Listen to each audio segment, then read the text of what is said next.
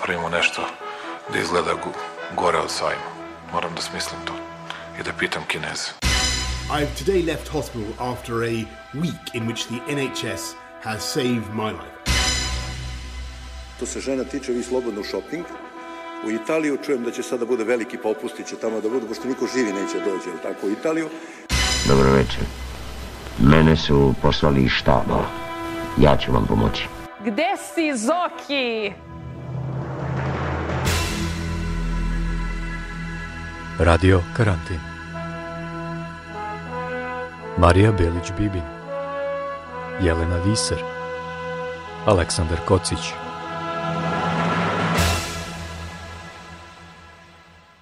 Radio Karantin, podcast posvećen životu u pandemiji, trenutno je na letnjoj pauzi. Iskoristit ćemo to vreme da se podsjetimo razgovora koje smo tokom ovih tri meseca vodili sa našim fantastičnim gostima koji su nam pomogli da bolje razumemo razne aspekte pandemije i svega što nam se događa. Ja sam Aleksandar Kocić u Glazgovu, a sa mnom Radio Karantin pripremaju i vode Jelena Fisser u Utrehtu i Marija Belić-Bibin u Novom Sadu. Naš prvi gost bio je beogradski novinar Slobodan Stupar.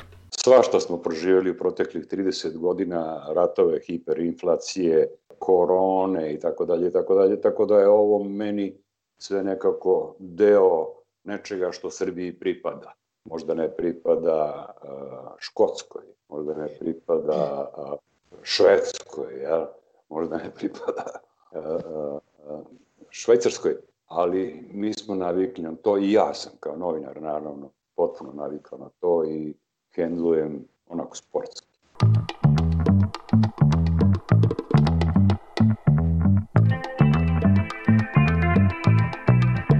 Radio karantin. Ništa drugo ljudi ni ne znaju da rade nego da prave fake news, da prave dramatične e, konferencije za štampu i čak ove jadne i poprilično inferiorne popove stavljaju tu priču da i oni kao apeluju. Ja mislim da onaj što rukovodi crkvom ne znam što znači apelovati. Jel? Je malo komplikovano za njega i tako dalje. Bušna je Srbija kao sito i ne ume da hendluje uh, koronu. Uh, u bolnice je ušla korona. Ušla je u domove za stare. Sad će da uđe preko crkve i kašičice i tako dalje. A ljudi 21. vek, kakva kašičica, kakve bakrači, kakva ovo, kakva ono, kakva, kakvo neko hrišćanstvo od pre Bog te pita kada. Vlast kakva god daje mora da gleda i neke svoje interese, da tako kažem, i ne može uvek da se povinuje onome što stručna zajednica traži ili predlaže. I meni se čini da kad se ova kriza završi, ne samo u Srbiji, nego svuda u svetu, vlast će prvu krivicu da prebaci na struku i da na način probati da opravda svoje nesnalaženje u ovoj krizi. I sad je samo pitanje koliko je koji sistem jak, koliko koji sistem ima dovoljno slobodne medije da se ne prime na tu priču, jer e, krajnja odgovornost za sve ovo leži na vlastima. U Srbiji to su Brnabić i Vučić, a ne Predrag Kon i Darija Kisić, kako se već zove i tako dalje. Teško je uporediti Srbiju sa statkom sveta. Ovde se e, vlast osvaja da bi se pljačkalo. Ovde glava je u pitanju kad je reč o tuči za vlast. Mi smo u, u nekoj vrsti feudalnog društva. Nije ovo kapitalizam, nije ovo savremena Evropa. Prema tome, bitna je razlika i teško je za poređenje. Ovde kad neko da ostavku, to bolje je da se ubio, što kažu. Ovaj, na primjer, kod nas neće da siđe s vlasti. Prosto ko pasu, jel? vidi se iz aviona. On će da napravi sve moguće cirkuse koji neće biti izbori. Samo zato da ne bi došao taj jedan strašan dan kad bi on pao sa vlasti. Jer kod nas se e, e, silazi sa vlasti nažalost, kroz istoriju na vrlo, na vrlo ovaj, ružne načine. Pre neki dan je Wall Street Journal objavio jako interesantan članak koji kaže da sve istočnoevropske zemlje prolaze u ovoj krizi neuporedivo bolje od zapada. I otvorio jako zanimljivu diskusiju zašto je to tako. I e, ti si Slobodane spomenuo to da ljudi u Škotskoj ili u Holandiji ili u Švedskoj nisu navikli na ovakve situacije, a ljudi na Balkanu jesu.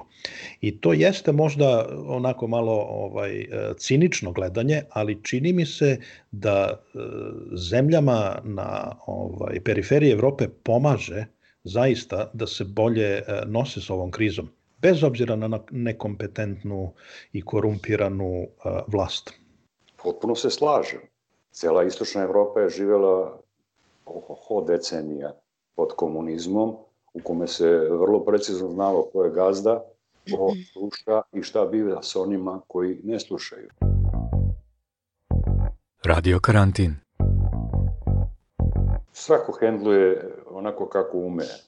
Nažalost, Srbija je tu najlošija. Slovenci su najbolji, Hrvati jako, iznenađujuće jako dobri, što je dokaz da su zapravo sačuvali zdravstvo, nisu radili ove partijske čistke kako se kod nas rade i izgleda su pravi lekari tamo, a kod nas su neki sa Sava centra i ne znam, ja, Mega Sega univerziteta. Umeđu vremenu pročitah još i da će Trumpovo ime biti štampano na čekovima koji se šalju. Sad valjda ima 16 miliona Amerikanaca kojima je potrebna hitna pomoć od, od američke vlade.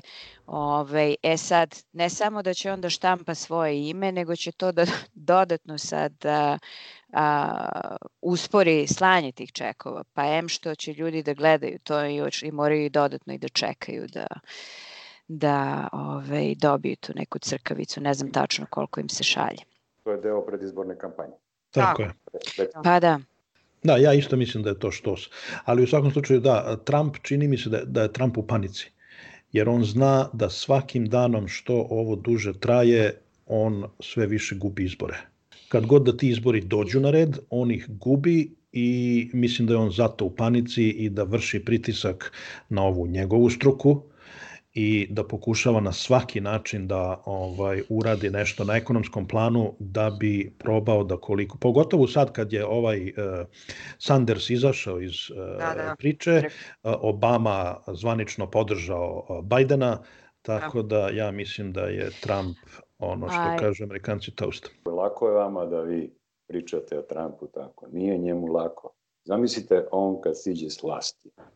Čeka ga jedno bar 50 teških suđenja za teška krivična dela, čeka da rođena žena da mu uruči zahtev za razvod. Odraće ga, neće znati kako se zove. Ima sina sa njim, ideal, ideal. Da, da. Može da mu radi šta god hoće. Trump danas i Trump za godinu dana ukoliko izgubi izbore, to su dva čoveka.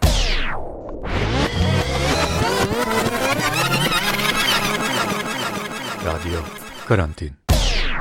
Kažu da smo mi narod koji ume uspešno da se humorom bori protiv krize i strahova. Čini se da je tako ne samo kod nas i po svetu. Jeste vi našli nešto na internetu ovih dana što je vas nasmijelo? Pa ja moram u duhu uskrsa. Ove, meni je super ona karikatura a, na kojoj policijski patrolni auto stoji ispred Kalvarije Hrist proviruje napolje, a policajac mu kaže nemoj ni da pomišljaš. Mene je nasmejala i razgalila jedna nekako tako tipično japanska priča. Klinci u nekoj školi nisu mogli da dođu na matursko veče da prime diplome pa su poslali robote. I te robote je obezbedila firma koja, koja ih pravi, a svaki je na glavi imao tablet sa slikom učenika kojeg zastupa. I onda su roboti jedan po jedan išli da prime diplomu. I mislim da je to idealna ideja za Šarčevića i Brnabićku, jer i oni koliko vidim mnogo vole digitalizaciju. Mada mislim taj način, takav način prijema diplome bi bolje pristajao Siniši malo.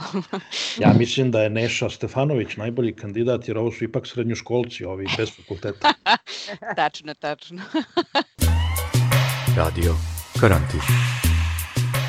S obzirom da nam je Slobodan Stupar kao novinar gost u emisiji, nama je ideja bila da se malo osvrnemo na situaciju sa medijima tokom pandemije i evo ja ću ovom prilikom da napomenem da je nedavno krizni štab u Srbiji doneo odluku da organizuje čuvene konferencije za novinare bez novinara, pa bi da malo popričamo o tome kako vi vidite ovaj odnos države prema medijima, situacije u kojoj se nalaze mediji, imali te novinarske solidarnosti, možemo li mi kao struka da se borimo protiv fake newsa kojeg je sve više i tako dalje.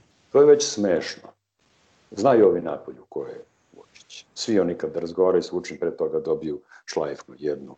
Kažu ovo bolestan od ovoga, bolestan ima ovo, ima ovo i tako dalje i tako dalje. Da, kaže, ali on nam završava posao i držat ćemo ga tu dok nam radi posao. A što se tiče Srbije, sve mu je open, izuzev uh, streljanja. Posebno ne masovnih streljanja. To ne sme da radi. To bi rekli no, no.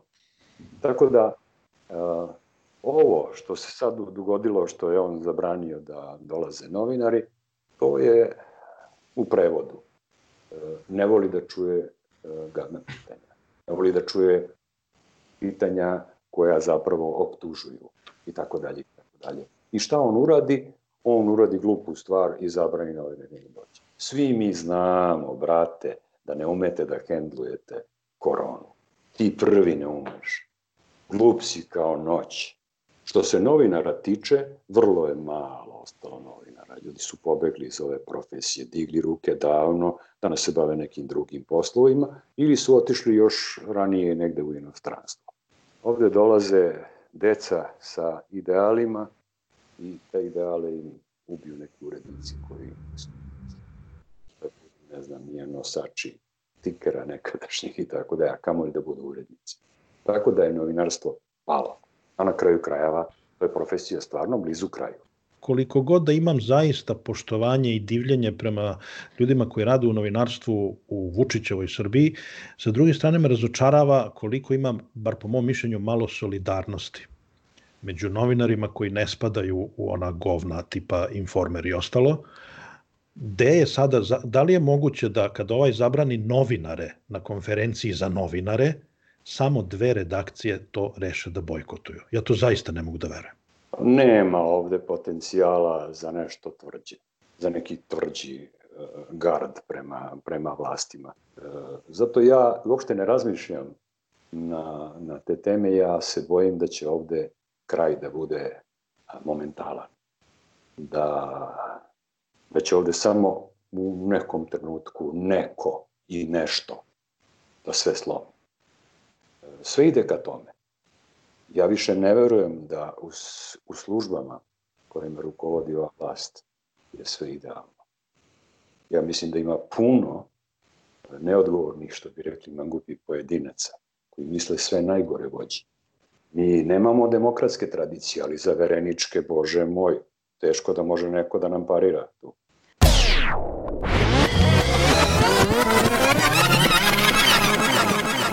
Radio Karantin. Tragično shvaćen jedan moment, to je da su sve kafane i kafići sve zatvore. I da je nama druga kuća od Katance. Ajde što ne smijem da izađem napolje tad kafana i ne radi kad ja ne smem napolje. Ali kad ja smem napolju i onda je zatvorena kafana. A kafana je jača institucija po meni od Srpske pravoslavne crkve. Tri do pet puta. Ne pamti se da je neko opljačkao crkvu. Odnosno da je neko opljačkao kafanu. Zašto? Pa to je druga kuća. Ja ću tu sutra morati da dođem. Crkvu pljačkaju. A posebno u Srbiji. Kafana u Srbiji je institucija za sebe. Posebno Sve se ovde kroz istoriju događalo pre svega u kafani, pa smo onda išli u parlament, pa smo to izglasali. Jednostavno, ja mislim da je opšte jug Evrope takav. Mi smo društveni ljudi, mi smo stalno napolju, mi sedimo, mi galamimo malo više i tako dalje i tako dalje. To je odušak, ali je u kafani, ko zna šta je kafana, to je druga škola, ti naučiš od pameti jako ljudi, mnogo pametnih stvari možeš da čuješ. Tamo dolaze akademici, tamo dolaze najveći književnici, tamo dolaze najpametniji ljudi. Ne na neke tribine pa će on tamo nešto da žvalavi, što kažu klinci. Ne, ne, nego ćeš u kafani da vidiš majstore duha, majstore reči, Moj tata ima 70 plus godina i upravo upada u tu grupaciju koja i dalje je vrlo aktivna u kafani. To su njegovi vršnjaci, to su sve raznorazni doktori, novinari, glumci i tako dalje. I ja kada ga pitam kako, ovaj, kako provodi ovo vreme uz te neke standardne boljke tipa da li mu nešto fali, treba u prodavnicu ili taj alkohol, ja vidim da njemu zapravo nedostaje samo jedna stvar, a to je ta kafana.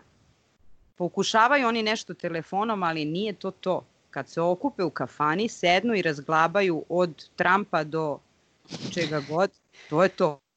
Mi smo izmislili kafanu da bismo mogli lepo da se provodimo. Kod kuće je već nešto drugačije. Ne mogu ja od kuće da napravim kafanu. To nikad nije bilo. Ja delim i svi Srbi tako delim.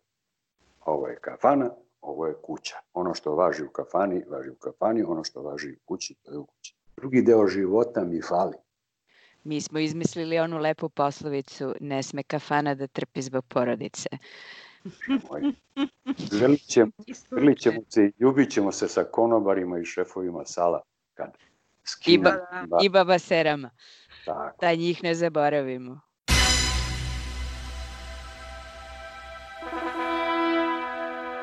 Moramo da napravimo nešto da izgleda gore od sajma.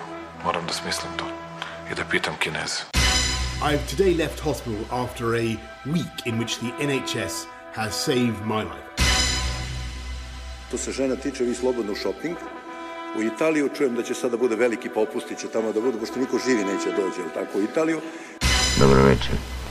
Mene su poslali iz štaba. Ja ću vam pomoći.